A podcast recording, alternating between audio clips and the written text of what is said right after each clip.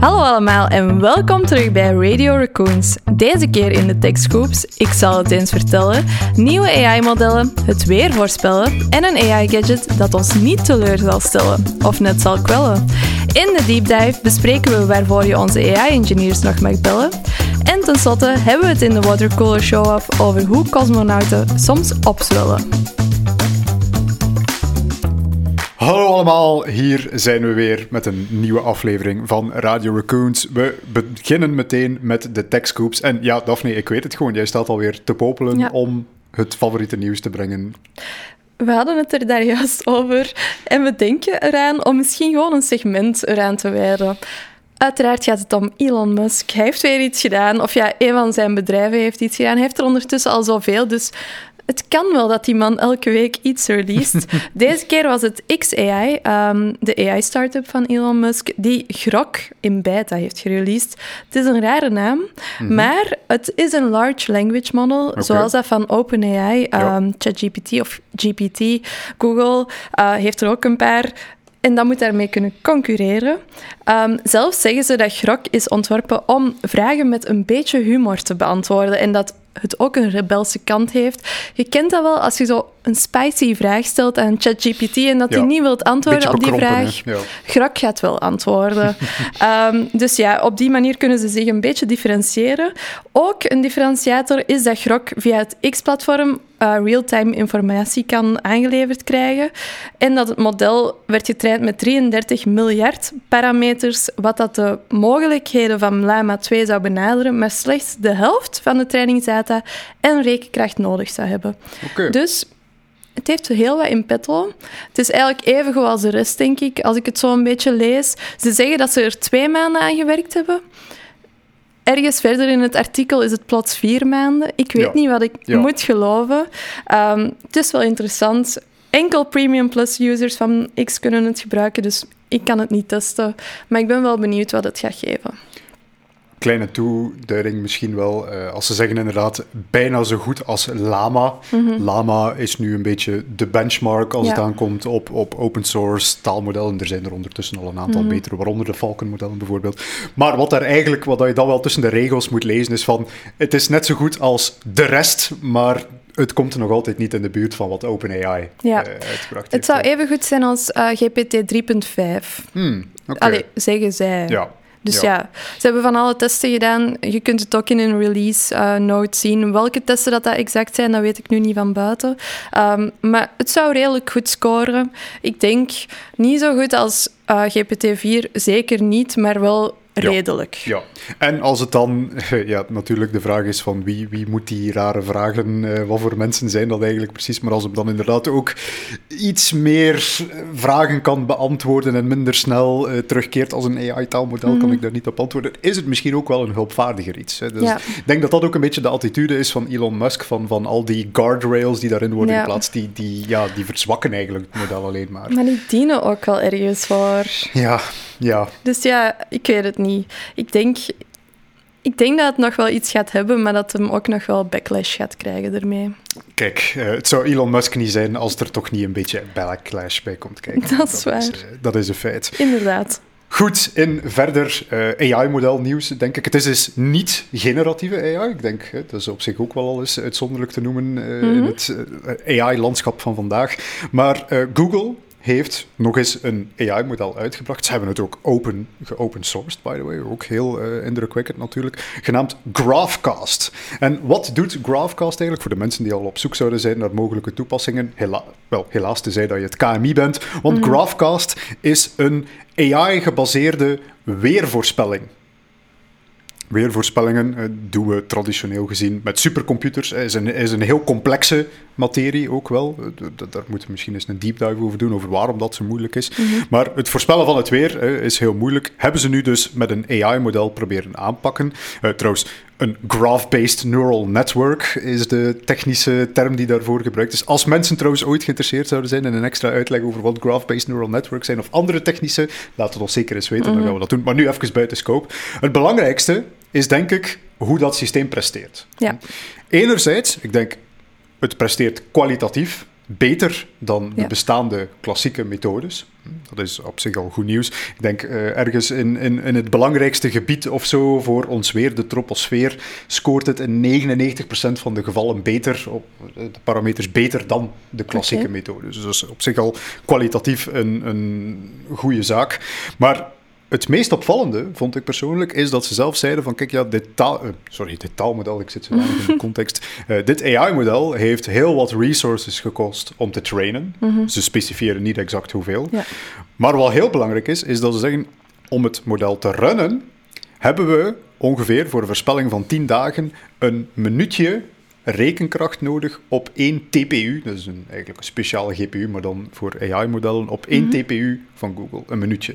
Terwijl dat op uh, voor de klassieke methodes, dat we daar echt wel supercomputers voor gaan gebruiken, die daar meerdere uren op moeten gaan rekenen. Dus ja, het is eigenlijk echt wel computationeel, hè, qua resources dat mhm. het gebruikt, Oké, goed, we hebben er eerst wat moeten in investeren, maar het is nu wel een enorm snel en enorm lichtgewicht model die eh, ook open source beschikbaar is. En ik lees dus nu ook al geïntegreerd wordt door verschillende weerdiensten overheen de wereld. Alright, interessant. Eigenlijk sta ik daar nooit bij stil dat bij die weather-app echt wel, daar zit eigenlijk best wel veel achter. Hè? Ja. Als je ziet uh, hoe lang dat een supercomputer daaraan moet werken om dat te gaan voorspellen, voor mij is dat zo standaard ding van het leven geworden dat dat, dat zelf niet in mij zou opkomen dat dat zoveel nodig heeft. Dus uh, ja goed van Google dat ze dat nu hebben gedaan. Nu, het is misschien wel slecht nieuws voor, voor de supercomputers, want meestal als ze een nieuwe supercomputer bouwen, dan is het eerste wat je daarop leest van dit zal gebruikt worden om betere weersimulaties te maken, uh, zodanig dat we uh, klimaatverandering, et cetera, et cetera, ja. uh, stormen beter kunnen voorspellen enzovoort. Ja, kijk, als dat nu met AI-modellen in de plaats gaat gebeuren, dan zijn de klassieke supercomputers een andere toepassing een use case kwijt. Dan gaan we terug kernbommen moeten simuleren zoals vroeger. Ja, het is eh, een andere grote toepassing van supercomputers voor de duidelijkheid.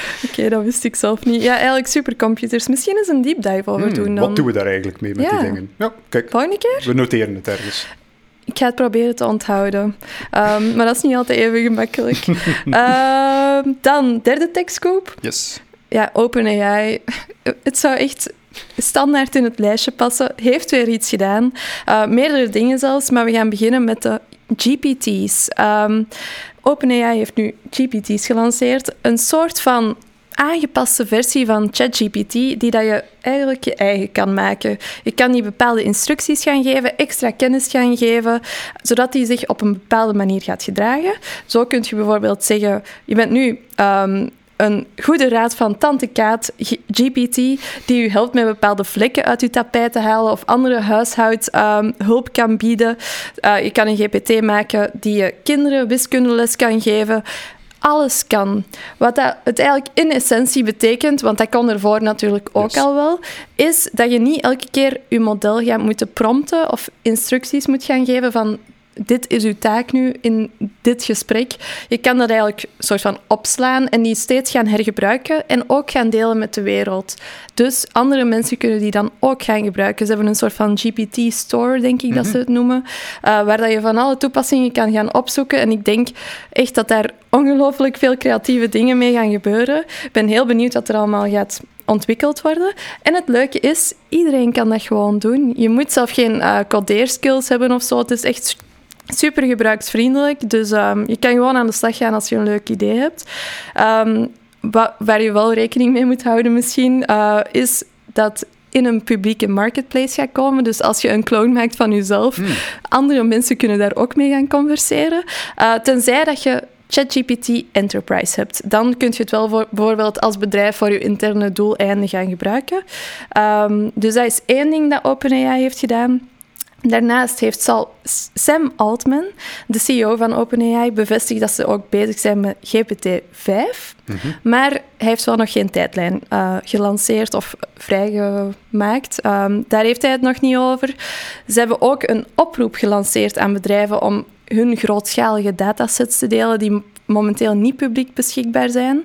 Wellicht om die GPT-5 te gaan trainen, want ik denk dat um, OpenAI over praktisch alle informatie die nu te vinden is op het internet al wel beschikt om hun modellen te gaan trainen. Dus ze zeggen, we hebben meer data nodig. Als je iets hebt dat wij mogen gebruiken... Laat het ons weten. DM ons. Um, ook, wat ze ook hebben gezegd, ze hebben veel gezegd de uh, afgelopen we weken, is dat ze super intelligence willen gaan bouwen. Dus ze zijn daar echt wel mee bezig met die AGI. Uh, ze willen het gaan ontwikkelen. Ze willen er goed over nadenken hoe dat ze het kunnen inzetten voor de mensheid en niet tegen de mensheid. En echt de benefits eruit gaan halen. En ja, ik, ik heb het daar juist ook al eens tegen u gezegd. Ik denk echt wel dat wij dat misschien in onze lifetime nog gaan meemaken. Onlangs nog een artikel tegengekomen dat uh, wetenschappers, ik weet niet met welke methode, ik heb gewoon de kop gelezen en niet het artikel, uh, maar dat wetenschappers voorspellen dat het tegen 2031 de, de singulariteit okay. of algemene intelligentie wow. zou bereikt zijn. Dus kijk. Dat is echt al snel. Dat is, uh, dat is best wel snel voor dat een heel minder dan tien jaar. verandering. Ja, de, maar wie weet. Uh, natuurlijk, ja. uh, in de jaren 60 zijn we exact hetzelfde. Geef ons nog vijf jaar en ja. we bouwen nu artificiële general intelligence. Maar toen hadden ze ChatGPT nog niet. inderdaad. Dus inderdaad. ja. we zullen zien over acht jaar of dat echt zal uitkomen. Dan, misschien nog als laatste, heeft OpenAI ook gezegd dat ze de grootste verzameling aan NVIDIA GPU's hebben. Maar toch klagen ze dat ze er te weinig hebben. Dus zo snel als NVIDIA ze kan bouwen, worden ze ook opgekocht door uh, OpenAI. Dus het is echt een, een, een kwestie van resources, denk ja. ik. En gewoon, ja, die GPU's hebben genoeg data hebben. Ze willen echt gaan verzamelen, zodat ze ja, hun, hun doelen kunnen bereiken, die uh, AGI kunnen bouwen. En dat is niet alleen maar ChatGPT. Ze zeggen van, we hebben nog veel meer andere dingen nodig om dat te gaan bereiken. Wat die dingen zijn, dat weten we nog niet. Maar dat er veel GPU's voor nodig zijn, dat staat alvast vast. Het zijn, het zijn, goede tijden voor Nvidia, ja, heb ik, denk begrepen. Het wel. Trouwens, kleine tekstkoep in de marge, want het, is, het, voelt soms ook een beetje als herhaling. Maar in de tussentijd heeft Nvidia ook een nieuwe versie van hun laatste nieuwe AI-GPU uitgebracht, de H200 ook alweer zoveel keer sneller ja. dan de vorige iteratie. Maar dus, eh, de toekomst van Nvidia in de nabije toekomst lijkt mij alvast verzekerd ja. te zijn. Ze hebben ook al een zeer gewillige afnemer voor hun producten, dus uh, dat komt wel goed, denk Misschien ik. toch in investeren dan. Dit ja. is geen investeringsadvies. Geen investeringsadvies. um, nee, nee, nee, interessant en goed voor Nvidia. Ik denk dat heel veel bedrijven nu op dit moment wel Nvidia willen zijn. Um, dus ja. Wat is, wat is het uh, Engelse gezegde? When everybody is digging for gold, sell shovels. Uh, als iedereen voor goud aan het zoeken is, verkoop uh, ja. shovels. Schoppen? Schoppen, ja. ja. Denk, ja. Denk het ook. Dat was even moeilijk. Um, dan als laatste. Er zijn nog dingen aangekondigd, maar ik ga niet alles van OpenAI hier gaan oplijsten. Ik ga het in de show notes zetten. Ze hebben de DALI 3 API uh, gelanceerd. Nog allemaal dingen. Als je geïnteresseerd bent in wat ze bezig zijn, show notes. Yes. Of laat het ons weten als je nog meer OpenAI-nieuws wilt dan dat we nu al coveren. We voelen er onszelf een beetje schuldig over soms, mm. over hoeveel dat we erover te vertellen hebben. Ja. Maar goed, dan is een volledig andere Ja. techscoop is niet over... Wel, ja, kijk, is niet over OpenAI, maar, maar om een of andere reden toch nog Toch altijd. AI-nieuws. Ze, ze noemen het wel degelijk een AI-product. Sam Altman heeft erin geïnvesteerd, dus Ah. Het hangt weer Kijk, samen. we- I, I keep trying to get away, but they keep pulling me back in. Maar goed, eh, ehm, toch wel een interessant nieuw product die Mhm. onlangs is voorgesteld. Het noemt de Humane AI Pin. Ja. Daar zit het toch weer, de AI.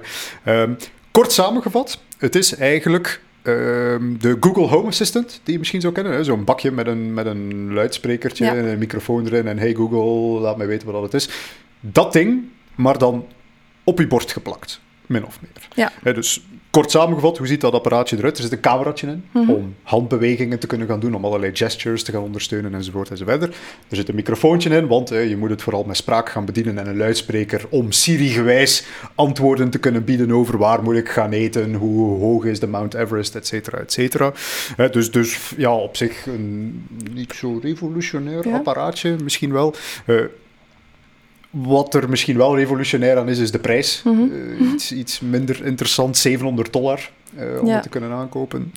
Eh, plus, daarbovenop, het is een apparaatje die volledig via het internet werkt. Ja, Daarbovenop moet je ook nog een keer 24 dollar per maand betalen voor een always online internetverbinding. Dus eh, ja. goed, Maar wat, is... doet, wat doet het eigenlijk? Wat doet het eigenlijk wel? Het is min of meer een Siri die Ja. je altijd met je meedraagt, hè, waar je vragen aan kunt stellen enzovoort enzoverder.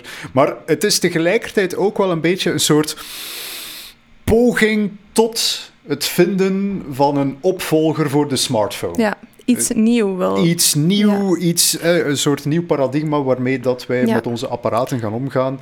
En, Zoals eh, een, zoals een eh, VR-glasses of zo. ja, wel, inderdaad. Ja. De, de, maar dan de, iets helemaal anders. De vergelijking met de Google Glass wordt bijvoorbeeld ook wel vaak gemaakt, omdat er ook een cameraatje in zit. Trouwens, een, een belangrijke feature is wel dat het systeem niet altijd aan het luisteren is. Het heeft een knopje dat je Mhm. moet indrukken voordat je er tegen kunt spreken. Privacy-gewijs zou dat ook heel interessant zijn. Er zit een lichtje in die aangeeft wanneer dat je aan het filmen bent, et cetera, et cetera. Eh, dus op dat vlak, eh, het, is, het, is, het is wel een soort interessante nieuwe kijk op wat dat een smartphone zou kunnen zijn. Stel je voor dat we onze smartphones zouden wegsmeten en we hebben alleen nog onze smartwatches. Wel, Ja. daar zou het wel mee kunnen concurreren. Want, ik wil trouwens wel nog twee interessantere features belichten, die, die, die ik misschien wel meer blijfkracht zie Mhm. eh, eh, geven dan, dan het apparaat zelf. Ja. Dat is enerzijds wordt het magnetisch aan uw kleren Mhm. vastgemaakt. Hè? Dus er is een magnetisch achterstukje en een voorstukje, waardoor dat het vast blijft plakken. Maar het magneetje aan de achterkant is tegelijkertijd ook de batterij. ja. Waardoor dat je dus eigenlijk heel gemakkelijk gewoon het magneetje kunt vervangen en de batterij gaat al langer mee. Mhm. Heel nifty, hè? Vind ik wel een... Dat is eigenlijk wel handig, want dan kan je het blijven dragen en gewoon bijvoorbeeld twee batterijen, Ja, eh, die dat je dan oplaadt, even vervangt. voilà. Dat is zo vervelend dat je je iPhone moet opladen of je smartwatch of zo. Dus eigenlijk zo'n eh, batterij die je kan loskoppelen. Ja, Zo'n klein magneetje dat je beetje- misschien zelfs gewoon op je broek plaatst en ondertussen Ja. is je gsm aan het opladen. Dat is wel een beetje oldschool, zoals zo'n audio, eh, Nokia blok gsm, waar je de batterij nog van ja, kon ja, ja, uithalen ja, inderdaad. Ja, Maar kijk, daar, dat, dat vond ik toch wel een interessante feature. En wat mij vooral overtuigd heeft, ik denk omwille van het sci-fi gehalte en niet omwille van bruikbaarheid of zo, is dat er in dat apparaatje ook een kleine laserprojector zit. Dus geen gewone lichtprojector, maar dus echt een, een apparaatje ja. die zeg maar eh, door heel snel een lasertje te bewegen, zoals dat je kunt doen met een laserpennetje, afbeeldingen genereert. Een laserprojector die op uw hand een klein schermpje, monochroom, dus maar één kleurtje, het is, het is, het is lichtblauw, het is maar Mhm. één laser, die op je hand een schermpje kan projecteren, een beetje zoals dat je op je smartwatch Ja. zult hebben. Gecombineerd dan met het cameraatje dat erin zit, kun je dan ook echt op je hand, zeg maar, je scherm gaan bedienen. ja. Ik zou er geen 700 dollar voor betalen, laat dat duidelijk zijn, maar ik dacht daar toch van, oké, dat heeft een, een zekere cool factor in ik zou in het wel eens willen demoen. Als ze het mij gratis geven, dan wil ik het wel eens meenemen. eh, Maar dan ga ik het nog niet gebruiken. Maar ja, ik denk inderdaad wel de kritische noot dat we erbij kunnen plaatsen, die andere mensen ook al gemaakt hebben voor de duidelijkheid, is van ja, goed, Siri bestaat al, we hebben al allemaal die Google Home Assistants, Ja. we hebben onze gsm waar dan een assistant in zit. Is dit nu echt een extra apparaat waar we 700 dollar voor moeten willen betalen? Nu, ik ga vast aangeven, ik dacht hetzelfde over de smartwatches en tegenwoordig draagt iedereen. Echt? Dus, dus kijk, ik, ik, ben, ik ben te sceptisch als het aankomt op hardwareapparaten. Het is misschien voor de jeugd en de jonge generatie Hmm. Ja, om erin misschien mee te gaan. Maar kijk, het is wel interessant. Of dat het echte iPhone of, of de smartphone in het algemeen gaat vervangen, ik weet het ook niet. Maar ja, ik, ik ben er nog niet helemaal van overtuigd. Maar misschien komt dat nog wel. Ik zie zo wel een soort toekomst voor zo'n postschermwereld. Ja. Onlangs ook nog een filmpje zien passeren van, we hebben er ook over gesproken Ja. in de vorige aflevering, hè, dat je gewoon schermen, hè, dat je een VR, AR-bril, mixed reality-bril aan hebt en dat je dan gewoon overal schermen kan plaatsen in je blikveld. Ik zie daar wel zo'n soort toekomst in. Dat we weggaan van die schermen die superveel energie innemen en dat we dat op een andere manier gaan verwerken, zij het met laserprojectors, het zij met Mhm. brilletjes of zo. Ja, we zijn wel aan het gaan naar een andere wereld of zo, of naar een andere toekomst. Maar wat die juist gaat zijn, ja, dat kan niemand voorspellen De natuurlijk. hè. postschermwereld. Ja. Maar we weten nog niet hoe dat die er gaat uitzien. Who knows? Stay tuned. eh, Ja. In de techscoops, we zullen het er nog over hebben. Zeker. Oké, daarnaast eh, nog een laatste uitsmijter, techscoopje. Ik vond het wel een heel interessante. Mhm. Eh, want, dus ja, we kennen de hele context tegenwoordig van deepfakes. Ja. Eh, We gebruiken AI om afbeeldingen te gaan genereren van mensen die er dan overtuigend echt uit beginnen zien. Wel, uit recent onderzoek is gebleken dat die dingen toch wel heel goed beginnen werken. Want onderzoek heeft uitgewezen dat ehm, als je dus aan een testpubliek vraagt om te beoordelen of een foto ofwel AI gegenereerd ofwel echt, eh, al dan niet echt zou zijn, Mhm. als je dat vraagt aan het testpubliek, wat blijkt dan? Dat zij bij AI gegenereerde foto's vaker zeggen dat het echt is dan bij echte Ja. foto's. Eh, Dus AI gegenereerde foto's zien er echter uit dan echt, maar, En dit is nog een heel een belangrijke kikker. Heeft waarschijnlijk iets met de bias in Ja. AI te maken, maar alleen maar bij witte mensen. Mhm. Omdat er meer data van is. Hè. Mogelijks, misschien, mogelijks. ja. ofwel dat eh, witte mensen minder echt eruit zien of zo, op een Ja. of andere manier. Dan Ik hoe vind het toch gek, want dan is die Uncanny Valley toch volledig weg. Ja, er zijn inderdaad mensen die nu nog altijd zouden claimen van ja, maar ja, hè, dat is wel een fake, maar je kan dat nog altijd zien aan de kleine details. Nee, wat blijkt dus, ja, als we echt praktische blinde testen uitvoeren, Ja. waarbij dat je niet op voorhand weet dat je naar een AI-systeem Mhm. aan het kijken, allee, een AI-gegenereerd beeld aan het kijken Mhm. bent, ja, dan, dan lijkt dat ons toch wel heel gemakkelijk te kunnen misleiden. Ja, en het is gek dat, je ook, dat dan ook echte mensen als vals worden Ja, eh, bestempeld. ja, dus dat vind ik dan zo een... Ja, dat vind ik toch gek. Een van de interessante conclusies van dat onderzoek vond ik ook dat ze daar zo ja, een, een, een aantal gedachten bij plaatsten rond dit, dit zou een belangrijk iets kunnen zijn als we in de toekomst bijvoorbeeld AI-avatars gaan gebruiken in bijvoorbeeld voor law enforcement. Hè, dat Ah, als we een agent moeten afbeelden als een soort AI-avatar, ja, dat we daar uiteindelijk zullen gaan kiezen voor een soort avatar die menselijker aanvoelt dan een echt menselijk equivalent Ja, toch wel een soort rare conclusie Mhm. over hoe wij als mensen naar ons eigen kijken, zeg ja, maar. ja, ja. ja. Oké. Het begint zo wel wat eng te worden, hoe echt dat het allemaal wordt. Hè? Ja. Dingen om bij stil te staan. Maar goed, dat was onze laatste tekstkoop. Ehm, we gaan doorgaan naar onze deep dive. hè. Ja. Goed. Voor onze deep dive had ik eigenlijk deze ochtend een vraag voor David. Want ik zie de laatste tijd heel veel AI-applicaties die in eerste instantie of op het eerste zicht eerder een soort van laag bovenop ChatGPT lijken te zijn. Dus eigenlijk een goede userflow of een, of een toepassing van ChatGPT die dan al in de markt wordt gezet als dit is onze applicatie. En ik begon me wel af te vragen van... Bij Raccoon zijn we al zeven jaar bezig met AI letterlijk te bouwen, custom AI-modellen te trainen voor onze klanten en echt te gaan kijken voor oplossingen. Maar ja, is er een soort van evolutie of zo, waar dat wij misschien als bedrijf ook naartoe aan het gaan zijn, eh, waar dat wij ook meer gaan evolueren naar zo'n soort bedrijf als dat we nu heel vaak zien in de markt? Of is er wel nog een toekomst voor bedrijven die custom AI-modellen gaan bouwen? Ik weet het niet, want Ja. allee, we hebben het in onze tekstcoops ook gezegd, OpenAI is met zo enorm veel bezig en, en ze zien het zo groot. Wij heeft een, een kleine Belgische start-up nog te bieden misschien. Misschien ben ik te negatief, hè? Ja, ja, ja. Ehm, dus dat is een beetje waar dat we naar gaan kijken vandaag. En ik ben echt heel benieuwd naar David zijn visie erop. Ik, ik, vind, ik vond het ook een, een zeer uitstekende en terechte vraag, want ik ben zelf ook al in zo'n discussies terechtgekomen. Mensen die soms een beetje met eh, leedvermaak, denk ik, naar mij toe komen. Zo van, ja, in die hele situatie met OpenAI, ze zijn de duidelijke marktleider, hè, ze kunnen dingen die niemand anders kan. Maar, ja, in tegenstelling tot vroeger zijn dat geen open source AI-modelletjes meer, die wij dan als kleine AI-bedrijven met heel veel dankbaarheid kunnen aannemen en daar leuke dingen mee kunnen gaan doen. Ja, het enige wat we nu eigenlijk nog doen, zeggen ze dan een beetje schertsend, is de API gebruiken. Ja, Waar zit dan nog de AI-kennis, bij wijze van spreken? dat kan iedereen. Dat kan eigenlijk iedereen bij wijze van spreken. Dus, en, en mijn antwoord heeft eigenlijk twee... Het is ja en nee, zoals altijd een beetje het geval blijkt te zijn. Ehm, eerst en vooral ja, wil, ik, wil ik toch wel aanstippen van... Ook wij, hier bij Raccoons, wij zijn dan bezig met custom AI. Wij zouden een beetje elitair kunnen zeggen van wij doen het tenminste echt. Hè. Wij zijn echt met eh, AI bezig en al die andere start-upjes, ja, die, die zijn eigenlijk maar een API aan het gebruiken. Dat is geen een echte AI-trainer. pas op, wij gebruiken soms ook de, op, eh, de GPT op, ehm, API. Dus Ik ging het inderdaad ook Ja. zeggen van dat is nu eenmaal de brutale waarheid. Want wij gaan dat ook niet claimen, omdat wij zelf ook wel duidelijk beseffen van goh, afhankelijk van waar dat je de lat legt, zijn we misschien ook niet echt bezig met AI. Want tien jaar geleden, als je deep learning de term bestond zelfs toen nog niet. hè, Als je machine learning wou gaan implementeren, dan moest je eigenlijk echt wel ja, de wiskunde van die machine learning systemen zelf gaan implementeren. Je moest dat begrijpen, je moest begrijpen hoe dat zich vertaalde naar programmacode, ook nog eens allemaal optimaliseren, zodanig dat het draait op computerhardware, et cetera, et cetera. Er is een reden waarom tien jaar geleden nog niemand bezig was met machine learning. Het was te moeilijk, min of meer. Nu, dat doen wij niet bij Brainjar. Dat doen we niet bij Raccoons Groep. We hebben dat eigenlijk misschien één keer gedaan. En het zal dan eerder uit curiositeit zijn en omdat we het kunnen, rather than dat het echt zou moeten.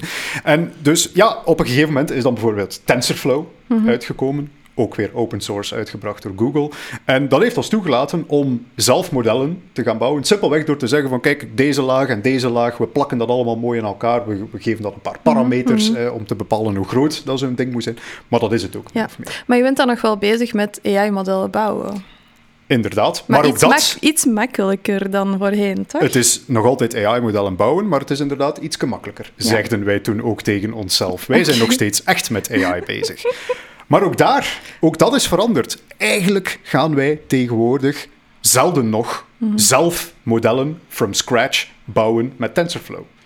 Wat doen wij tegenwoordig? Wij vertrekken vanuit een voorgetraind model die open source beschikbaar is. Mm -hmm. PERT bijvoorbeeld, open source door Google, transformer-architectuur die later ook eh, door GPT is gebruikt, dus het is een heel belangrijk ja. model geweest. Dat was een open source model, getraind met honderden, honderden uren aan GPU-kracht, iets waar wij nooit van kunnen mm -hmm. dromen. Maar wij konden dan dat model nemen en eigenlijk een beetje gaan bijtrainen met in vergelijking veel minder data dan dat we zouden nodig hebben om het from scratch te doen. Mm -hmm. Om dan alsnog een model te krijgen die een specifieke taak vervult die origineel niet ja. in de training zat. Gewoon simpelweg omdat te veel krachten kost om het allemaal from scratch te gaan doen. En waarom zou je twee keer iets gaan doen dat al bestaat? Het zou dwaas Toch? zijn om enerzijds niet gebruik te maken van de architectuur. Mm -hmm. Die is uitgevonden door de slimste mensen die bij Google werken. Die, die, die, die, die kennis willen we ja. natuurlijk graag innemen. En anderzijds, ja, ook die data en die trainingkracht die zij er al in gestopt hebben, zorgt ervoor dat wij minder data en trainingkracht nodig hebben. Ja. Dus het, het, het, is gewoon goedkoper ook. Het, ja. het, is, het, is, het zou dwaas zijn om het niet te doen uit een soort elitarisme van ja, maar dan zijn we zelf niet meer AI modellen aan het bouwen. Ja. Dus ook daar hebben we dan weer gezegd van, oké, okay, weet je wat, kijk, eh, wij gebruiken nu voorgetrainde AI-modellen, maar wij zijn nog steeds met AI bezig, want wij kiezen wel de modellen, wij trainen die nog bij met onze eigen data. Hè. Dat trainingproces, dat is toch wel allemaal een beetje technisch. Wij zijn nog steeds echt met AI bezig.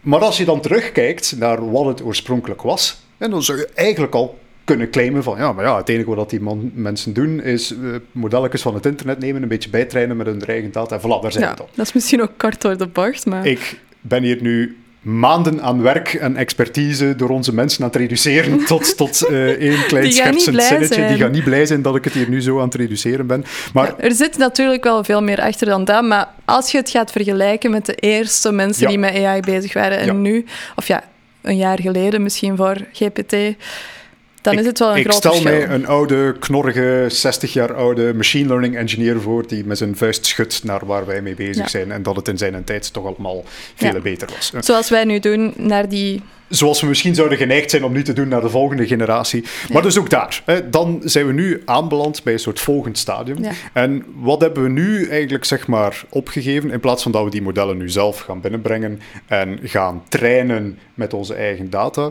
spreken we nu eerder over een voorgetraind model die in een groot deel van de gevallen gewoonweg met prompting al doet wat je wil. Ja. Gewoon door instructies te geven, door die instructies juist te gaan formateren, kan ChatGPT of GPT-4, eh, afhankelijk van Mhm. hoe complex uw taak is, eigenlijk de meeste natural language processing taken redelijk goed uitvoeren. Eh, ehm, ik zeg nu maar iets. eh, vroeger moest iemand aan ons gevraagd hebben om een classifier te bouwen. iets dat eh, data kan sorteren in verschillende categorieën Mhm. voor nieuwsartikelen, bijvoorbeeld, afhankelijk van het topic. Dan zouden wij daar data voor moeten gevraagd hebben. Ah, welke topics heb je precies, bes- beste klant? Oké, we gaan er een machine learning model op trainen en we kunnen Ja. daarmee van start gaan. Zo'n taak, daar zouden wij nu eigenlijk al zeggen tegen de klant van Mhm. Goed nieuws, beste klant. We hebben geen data van u nodig, want we kunnen gewoon GPT gebruiken. Die kan dat out of the box. We geven die wat instructies mee en we're Ja. ready to go. En wij zijn daar blij mee. De klant is daar blij mee. En dat is allround gewoon een betere situatie. Misschien wel met de kanttekening dat dat enkel voor dingen met taal kan. Natuurlijk. Hè. Het mag inderdaad wel gezegd worden. eh, we zijn hier heel sterk in die context van die large language models, die heel goed met taal kunnen overweg gaan, die heel goed met code overweg kunnen. Maar er zijn ook nog toepassingen daarbuiten, computer vision bijvoorbeeld, die nu ook wel een beetje uh, steeds meer in uh, het, het OpenAI-ecosysteem verzeild begint te geraken. Maar, maar echt gewoon herkennen van afbeeldingen, dat is nog steeds iets zijn eigen tak ja. met de goede ouderwetse klassieke machine learning uh, methodes die we daarvoor gebruiken. Simpele data Um, predictive. predictive. analytics is dan de technische term daarvoor. Van, van ja, je hebt bijvoorbeeld uh, historische data over verkoopcijfers en je wilt dan gaan voorspellen aan de hand van allerlei factoren wat de toekomstige verkoopcijfers mhm. gaan zijn. Ja, daarvoor gaan we niet naar OpenAI gaan. Ja. Daarvoor gaan we nog steeds onze eigen modellen gaan trainen. Dus stel terug naar die klant waar je tegen zegt: Goed nieuws, we hebben um, nu GPT en het gaat allemaal heel gemakkelijk gaan.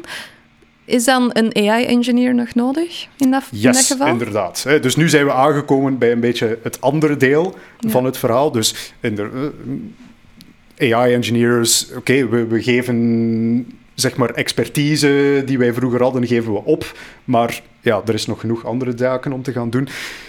Een AI-engineer is meer dan alleen ik zou zeggen bijvoorbeeld wiskundige kennis over machine learning systemen alleen. Mm wij hebben bijvoorbeeld tegenwoordig AI-experten bij ons werken. Ik verwijs nu naar Koert bijvoorbeeld, die wiskundig tot in oneindige diepte uh, over zo'n zaken kan praten. Maar wij hebben evenkundige mensen die eigenlijk op wiskundig vlak ja, daar veel minder voeling mee hebben. Ze hebben dat nog geleerd op school, maar het is niet dat ze nu nog van buiten... Het is ook niet dat ze het per se nodig hebben voor hun job. Ze hebben het gewoon niet meer nodig. Hm. Welke skills zijn dan wel nog nodig? Dat is misschien de echte vraag die we willen beantwoorden. Wat is dan nog het nut van een AI-engineer in uh, zo'n toepassing? Wel, het eerste en het belangrijkste zal altijd blijven data. Ja. Ik heb daar net een voorbeeld gegeven van een toepassing waarbij dat we kunnen zeggen, well, kijk, daar heb je geen bijkomende data voor nodig. Hè. Dit werkt gewoon straight out of the box. Maar er zijn ook gewoon nog altijd language toepassingen waarbij dat je zou kunnen kijken naar het fine-tunen mhm. van een GPT-model. Ik zeg nu maar iets. Hè. Je wil vragen beantwoorden over het invullen van je belastingsdossier. Belgische belastingssysteem. Ik denk niet dat dat mee is genomen in de dataset die OpenAI heeft gebruikt. Dus stel je voor hè, dat we een eh, applicatie zouden willen creëren die specifiek daar rond vragen kan beantwoorden. Ja, dan is er nog altijd een proces waarbij dat je die data moet voeden aan een AI-systeem. En het is bijna gegarandeerd dat enerzijds je voor de naïeve methode kan gaan. Je neemt een pdf van de ik weet niet, uh, belastingsdossier voor dummies of zoiets en je stopt dat erin in één keer en voilà. en, upload en, het model gaat misschien al iets doen, hè, maar een AI-engineer zal nog altijd ervoor zorgen dat die systemen veel beter presteren dan de naïeve aanpak die je kunt gaan doen. Door bijvoorbeeld die data te gaan opsplitsen. Door daar bepaalde pre-processing op te gaan uitvoeren op die data, zodanig dat die beter kan geanalyseerd worden door een AI-systeem. Door die misschien een beetje te gaan opschonen, tabelletjes eruit te gaan halen of tabelletjes apart te gaan voeden aan zo'n AI-systeem. Die voeling met die data, dat is voor mij nog altijd de nummer één skill die een AI-engineer ook met zich meebrengt. Ja, omdat ze weten welke data het model nodig heeft ook. Ja, en dat kan je alleen maar weten als je die kennis hebt. Het is een beetje de, de vergelijking tussen een programmeur moet niet exact weten hoe een computer werkt om te kunnen programmeren. Ja. Dat is, je kunt perfect beginnen met programmeren zonder ook maar één idee te hebben van hoe dan een CPU precies in elkaar zit. Maar een echt goede programmeur die weet hoe dan een computer onderliggend werkt, die gaat dat wel kunnen gebruiken om betere code te kunnen schrijven. Die weet bijvoorbeeld dat er maar beperkt geheugen is en dat je op basis daarvan speciale dingen moet doen met je code. Ehm, dat zorgt ervoor dat het beter gaat werken. En exact hetzelfde voor AI-engineers mhm. en het ja, correct verwerken van data. Ja. Anderzijds, welke skillset heeft een AI-engineer ook? Dat is vooral heel veel functionele kennis mhm. over wat een machine learning systeem, als we nu even specifiek willen zijn, een machine learning systeem wel en niet kan. Van de allervroegste machine learning systemen tot ChatGPT vandaag. Mhm. Ze zijn allemaal machine learning gebaseerd en ze hebben ook allemaal bepaalde eigenschappen gemeenschappelijk. We spreken bijvoorbeeld over die bias die erin aanwezig is. Dat is nog heel hoogdravend, bias in AI. Eh, maar ook gewoon het feit dat AI-systemen fouten kunnen maken. Mhm. Hm. Ben je bijvoorbeeld in een, in een publiek van, eh, ik, ik, denk dan altijd aan de CEO die denkt dat hem vanaf nu geen andere mensen meer nodig heeft en alles zelf kan, dan, dan, en die komt plots met een idee van, oh, zouden we niet uh, ChatGPT kunnen gebruiken om belastingsdossiers te gaan eh, evalueren en te zien of dat ze correct zijn ingevuld en of dat daar fraudeurs in aanwezig zijn. Die gaan misschien denken van ja, want AI kan alles. Kom, we mhm. gaan dat doen. Een volledig automatisch systeem. We verkopen dat aan de Vlaamse overheid en we zijn binnen. Hm. Ja. Als daar een AI-ingenieur in de ruimte zit, dan gaat hij hopelijk meteen zijn hand opsteken en al meteen zeggen van, oh, pas op, ChatGPT kan heel veel, heel interessante applicatie, maar hebben we al eens nagedacht over wat er gebeurt wanneer dat ons AI-systeem toch een fout maakt? Dat zit er bijna ingedramd in een AI-ingenieur om daarover na te denken van wat als, wat als het fout gaat, min of meer. Want dat doen ze nu eenmaal, machine learning systemen. En als je dan even verder nadenkt, dan kom je al snel tot de conclusie van ja, zo'n automatisch systeem die er dan voor zorgt dat mensen problemen krijgen met de belastingsdienst en dat komt dan ergens in het nieuws, slecht idee. Mm -hmm. Is ons min of meer bijna letterlijk is overkomen als AI-bedrijf, maar dat is een verhaal voor een andere keer.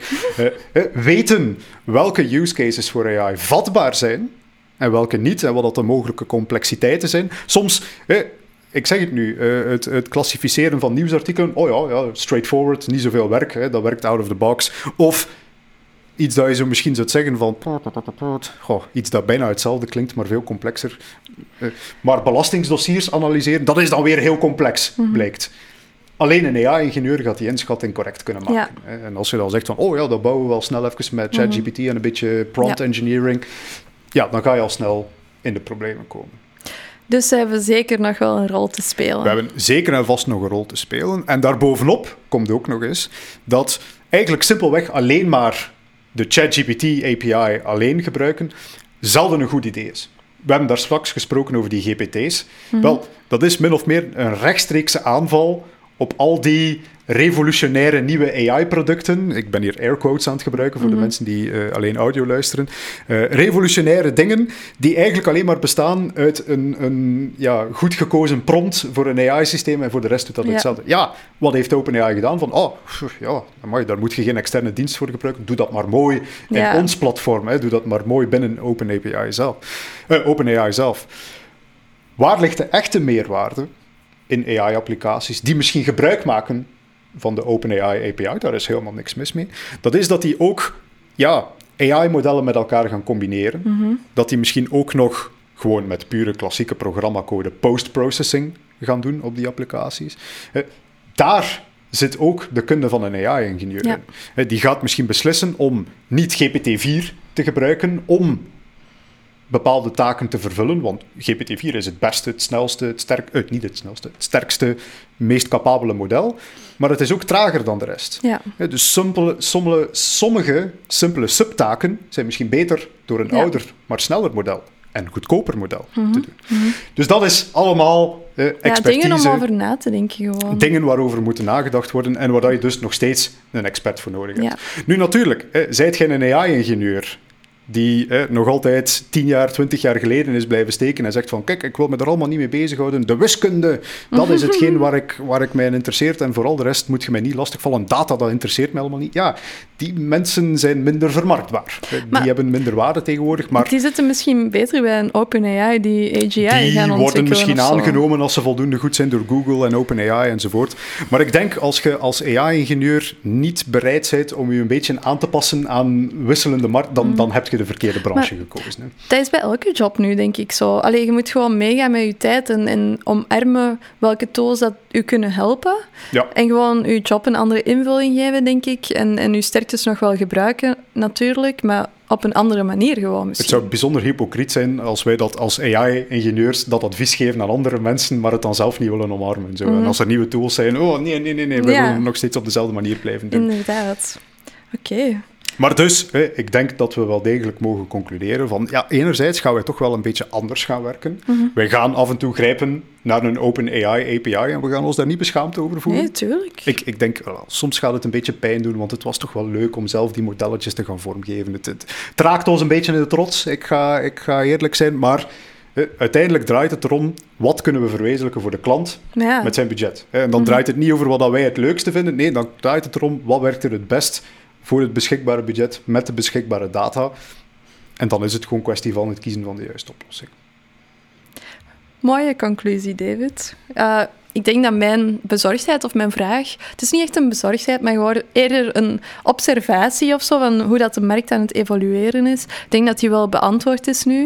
Ik denk dat onze AI-engineers ook... Uh, nog op twee oren kunnen slapen. uh, en die gaan sowieso nog leuke dingen kunnen doen. En niet alles kan opgelost worden door um, GPT. Hè. Allee, ja, zoals we al zeiden, niet alles is, uh, is oplosbaar met een large language model. Dus er zijn sowieso nog dingen waar we zelf wel modelletjes kunnen gaan bouwen en fine-tunen en, en wat nog. Uh, dus ja. Ja, maar absoluut. All Alright. Um, nog iets aan toe te voegen? Ik ben klaar, denk ik. Alright, dan gaan we door naar het volgende. Hè? Helemaal goed. Ik had gelijk. In de vorige glazen bal was mijn voorspelling juist, of ja, hij is quasi uitgekomen. Twee dagen na de lancering of zo van de aflevering, denk ik, um, kreeg ik een berichtje van David met een artikel, een linkje naar een artikel waar dat mijn voorspelling exact, of toch bijna exact, in stond. Nu, om even te recappen, wat was mijn voorspelling? Ik had voorspeld dat er ooit een apparaatje ging komen dat je kon instellen om een bepaalde droom of zo te hebben die nacht van oh, ik wil dromen over vakantie, dat dan uw droom over vakantie zou gaan. En dat zou binnen de zeven jaar of zo gebeuren.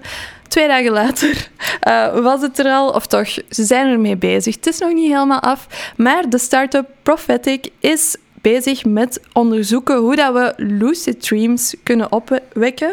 Lucid dreaming, voor mensen die dat misschien niet kennen, is eigenlijk een fenomeen, fenomeen waar dat je in je eigen droom wakker wordt. Je wordt dus je weet echt... dat je droomt in je droom. Je weet dus dat je aan het dromen bent en dan kun je controle nemen over je droom en bepaalde acties te gaan uitvoeren. Je wordt de scenarist van je droom. Dus ongeveer wat ik had voorspeld. Ik had voorspeld een apparaatje waar je het kon ingeven, maar dit is eigenlijk... Het komt op hetzelfde neer, hè? Ja, het is hetzelfde, maar je kan dan zelf kiezen terwijl dat je in de droom zit. Inderdaad.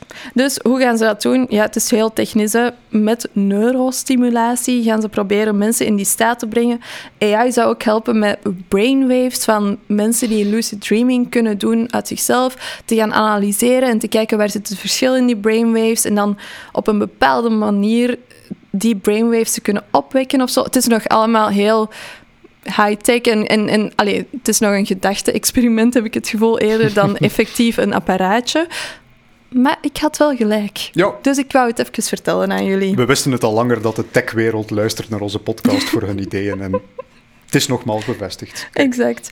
Nu, ik ga David toch nog een kans geven om ook nog eens een voorspelling te doen. Ik weet, ik zat er bonk op, maar David heeft er ook al wel twintig goede gedaan. Dus, um... Ja, kijk, en deze keer ik ga mijn kansen maximaliseren en ik ga proberen een voorspelling te doen op de korte termijn. Okay. Zo, zo, verhoog ik mijn kansen dat ik ook nog eens bingo raak in, in de nabije toekomst. En ja, kijk, als binnen twintig jaar al mijn voorspellingen uitkomen, dan, dan is de kans klein dat ik, dat ik het nog ga kunnen gebruiken tegen u.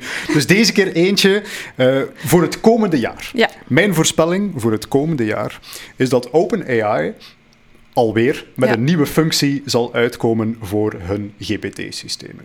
En het is eigenlijk een beetje gebaseerd op een artikel die ik gelezen heb, dat mensen nu blijkbaar, hebben we daarover gesproken, ik weet het op den duur niet meer, dus dat mhm. mensen nu blijkbaar urenlange conversaties hebben met ChatGPT. Ik denk het wel. Soms zelfs gewoon via uh, stem, hè, gewoon door hun oortjes te mhm. gebruiken, als een soort her-achtig fenomeen, als een soort uh, relatieachtige AI om tegen te gaan praten. Daarbij maakte ik mijzelf de bedenking van oké, ja, dat kan wel waardevol zijn, maar de grote beperking natuurlijk van die taalsystemen mhm. is dat die maar een beperkt geheugen hebben. De context window in technische termen.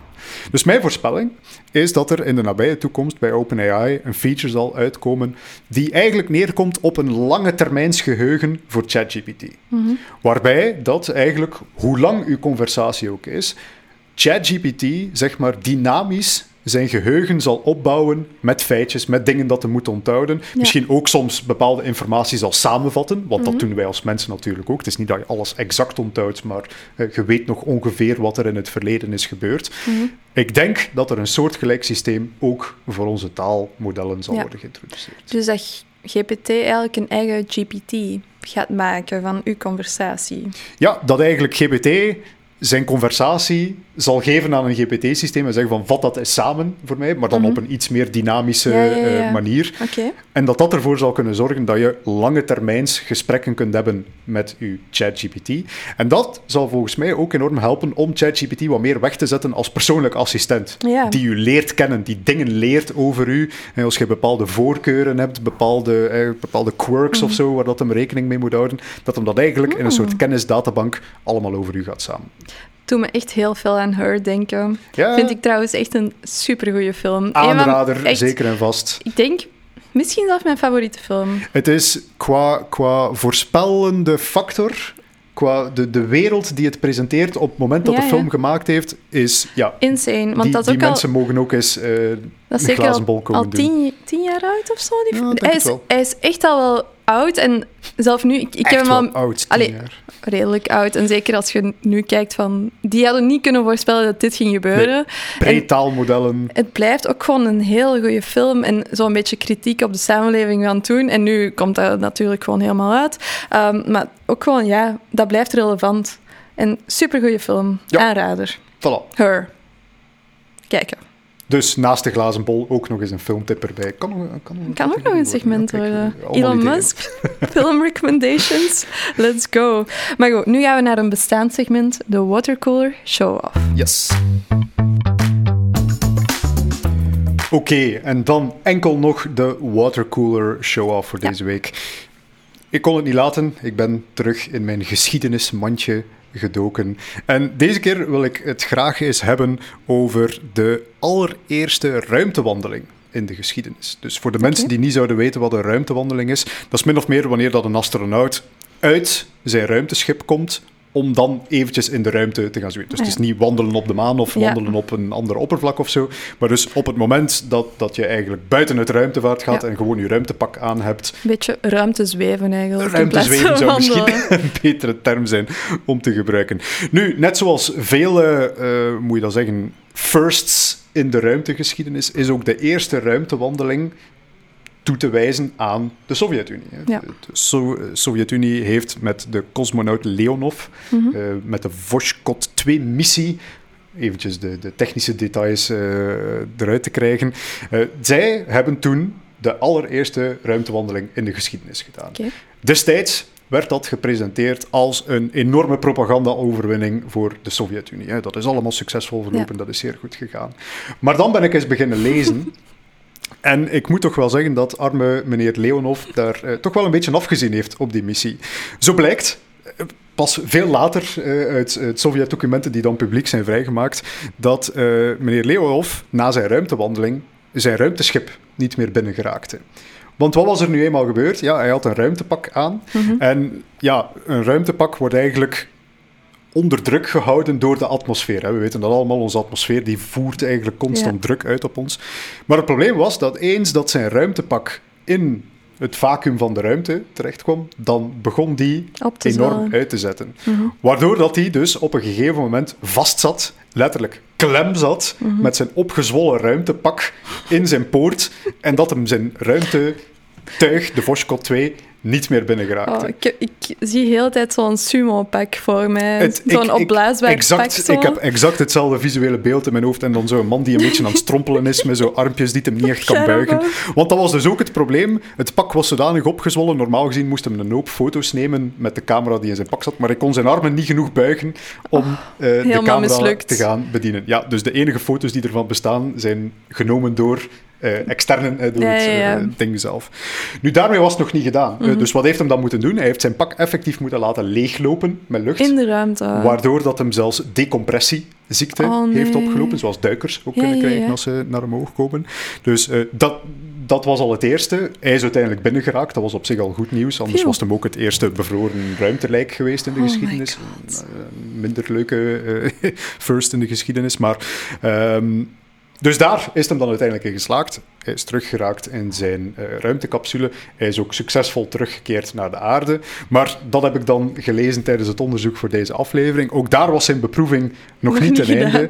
Want wat was er dan gebeurd? Ja, hij was met zijn ruimtecapsule geland, samen met zijn collega-cosmonaut, wiens naam ik nu even niet weet, ehm, geland in echt ja, de, de uithoeken der uithoeken van Rusland. Echt midden ergens in het Ja, Siberische Ergens woud. in Siberië. En min of meer, ja, de Sovjet-Unie wist ongeveer waar het geland was, maar het zoekgebied was ongeveer 70 vierkante kilometer groot. Gigantisch groot om dan even zo een klein Ja, dingetje midden in, ja, moet je zeggen, zo, dicht ja. bebost gebied te gaan vinden. Dat is eigenlijk geen sinecure geweest. Wat is er dan uiteindelijk gebeurd? Ze hebben ze gevonden, maar ze konden ze niet meteen extraheren vanuit die locatie. Dus die cosmonauten hebben daar drie nachten lang moeten overleven, bij temperaturen van min 30 graden s'nachts, dus eh, toch wel een beetje frisjes. Uh, ze hebben daar een hoop voorraden gedumpt. Maar uiteindelijk, om dan thuis te geraken, zijn die cosmonauten nog 9 kilometer moeten gaan skiën. Gaan skiën naar de dichtstbijzijnde helikopterlandingsplaats, die ze dan hebben moeten bouwen. Hè, want daar was niets in de buurt. Ze hebben die moeten bouwen. Maar eens dat die af was, moesten ze skiën naar daar om uiteindelijk te kunnen naar huis keren.